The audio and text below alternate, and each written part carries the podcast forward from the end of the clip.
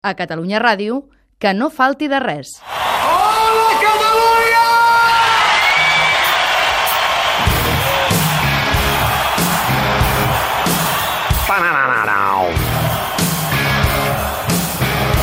Param, param, param, param. Recte final del programa Moment pel Gastro Musical en què el Santiso ens ha informat i ens ha comunicat que havíem de recordar molt la música dels records avui. Sí, avui parlarem de diversos conceptes. Evidentment, de la importància, com a mínim per mi, jo sense música no puc viure. Primer moment, parlarem... Un moment, un moment, un moment. Sí. Sisplau. Aquest programa no és sèrio. O sigui, aquí només pot demanar coses en Santiso? Eh? Pues jo també vull demanar alguna cosa. Demana. Clar, home, clar, si esteu aquí posat en Santiso, em demana aquí la cançó i no sé què, i estàs allà pensant, doncs jo us vull que us aneu pensant ja, Vale. cada un, un plat i un producte. Vale, o sigui, Del mentre... record, allò que us, el que plat que més us agradi o el producte que més us agradi. I un- mentre faig de tècnic i a més faig la secció, toco els botons i faig això sense guió, pensaré un plat I un producte, està bé, endavant. Un producte vols dir un, un aliment en concret sense processar? producte. o... Les anxoves de l'escala, per exemple. Ah, vale, eh? Ja vale, avui n'hem parlat vale, vale, eh, perfecte. eh, àmpliament. Va, veieu que no hi ha música, no? No. Doncs primer parlarem del silenci absolut, l'extrem. El silenci absolut Si és podeu pensar. això. És una cambra anecoica. Heu sentit mai a parlar Sí, d'aquest cada tema? matí en parlem d'això. Ja, Vale. és que- Una cambra anecoica és un joc com el que esteu vosaltres insonoritzat, però absolutament insonoritzat. La cambra anecoica més coneguda està als Estats Units, a Minnesota, vale? eh, els laboratoris de Ortfield, allà diuen que poden reduir el 99,99% dels sons, tant de l'exterior com de l'interior. Mm, com que sé que aquest programa té un gran pressupost, si voleu em podeu pagar un viatge, si voleu també podeu venir amb mi i anem a Minnesota i ho comprovem, perquè si no jo no puc demostrar-ho.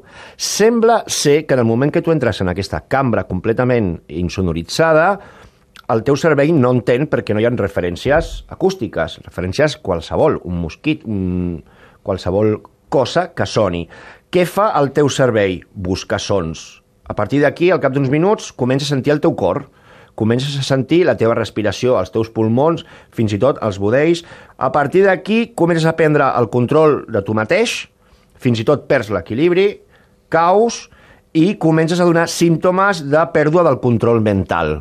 Sembla ser que la persona que més ha aguantat eh, ha estat 45 minuts a dins d'una cambra anecoica tancat i l'han tret perquè s'estava tornant boig. Primer tema. El silenci absolut.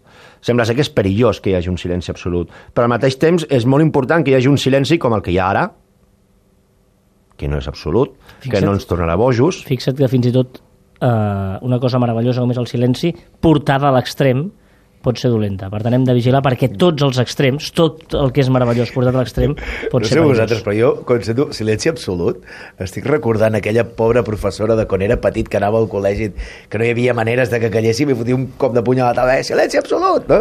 No, no us passava això? Doncs jo, ara m'ha vingut la, la imatge d'aquella pobra professora. i fèieu silenci absolut? Ho aconseguia? O... Home, depèn, depèn, depèn de la professora, depèn de...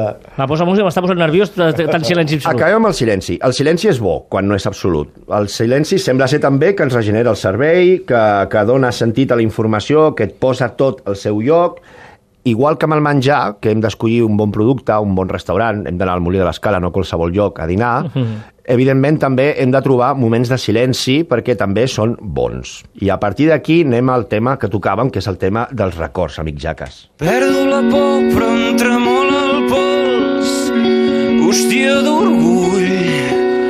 M'aixeco i no puc, un bon trau just al mig del cervell. Hi ha cançons que ens porten records.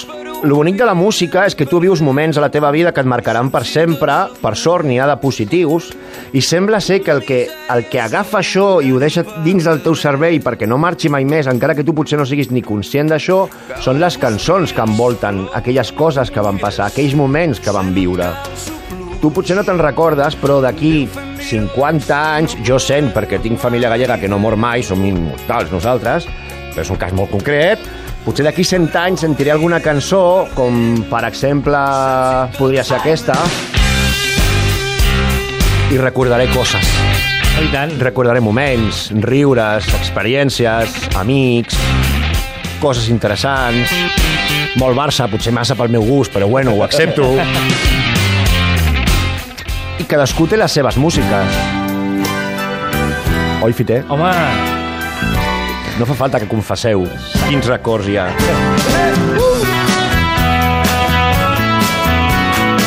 Primer amor, un primer amor. Un primer amor. Uh, uh. Jo aquí recordo a casa meva amb la música a tope, al·lucinant una mica la meva mare ballant com una boja a 100.000 decibels amb aquesta cançó. Tant de bon mai oblida la meva mare, però si algun dia l'oblido i sento aquesta cançó, la tornaré a recordar. Sembla ser, també.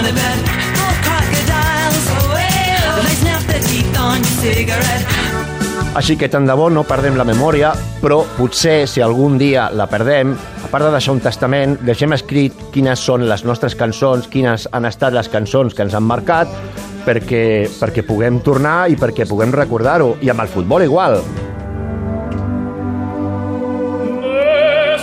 Ja sabeu, en Guardiola, que va fer servir tot això, això va anar molt bé, va fer aquell vídeo al 2009, abans de guanyar la Copa d'Europa, no? per, perquè els jugadors sentissin, se sentissin importants, sentissin aquell equip, sentissin aquell, aquell punt d'heroïcitat. Heroïcitat? Sí, sí. Perfecte. Igualment que podem recordar el Viva la Vida també i ens recordarà sempre el Guardiola.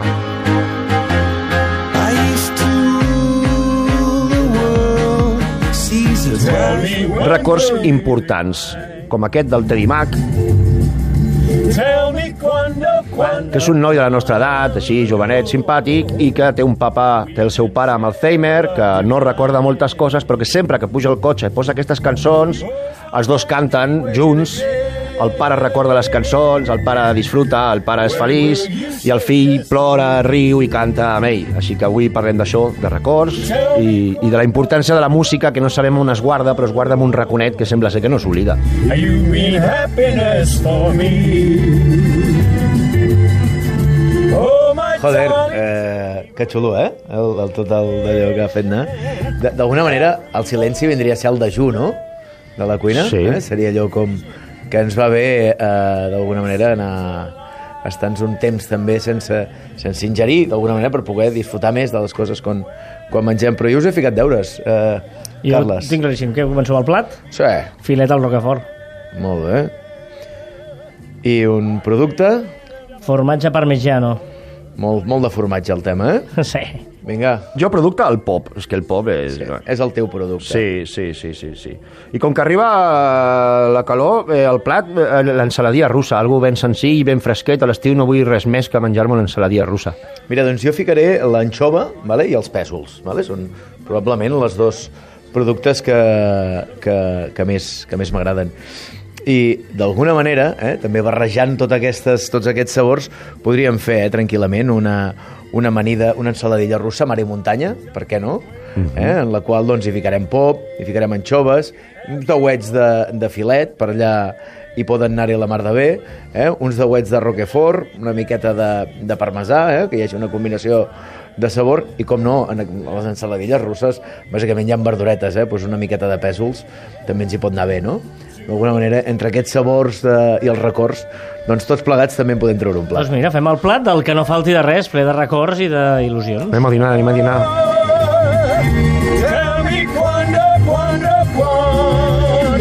Doncs fins aquí una nova edició del que no falti de res amb el Josep Lluís Santiso, que és un gironí d'adopció, eh? perquè ell no és d'aquí, però ja se sent un empordanès més i que ningú li retregui això ja, eh? ningú li digui que no. Eh? Tinc el passaport. Amb el Jordi Jaques, que està tocat per la tramuntana, però Tocadíssim. plorant d'emoció perquè avui per fi hem parlat de les anxoves de l'escala, eh? I amb el suport i la col·laboració de la delegació de Girona de Catalunya Ràdio, que no se'n saben a venir, estan tots aquí nerviosos perquè avui eh, l'Eduard Solà ha tingut més protagonisme que no pas el Tomàs Llebre, tu, això no, no, no, no ho poden veure. Nosaltres marxem fins la setmana que ve, però ja sabeu que ens podeu seguir escoltant quan vulgueu des del dial digital de Catalunya Ràdio a Més Cat Ràdio, que ens trobareu a Twitter i a Facebook, que agraïm likes, comentaris i que ens compartiu, Més Cat Ràdio i que no falti de res. Ooh, my darling, tell me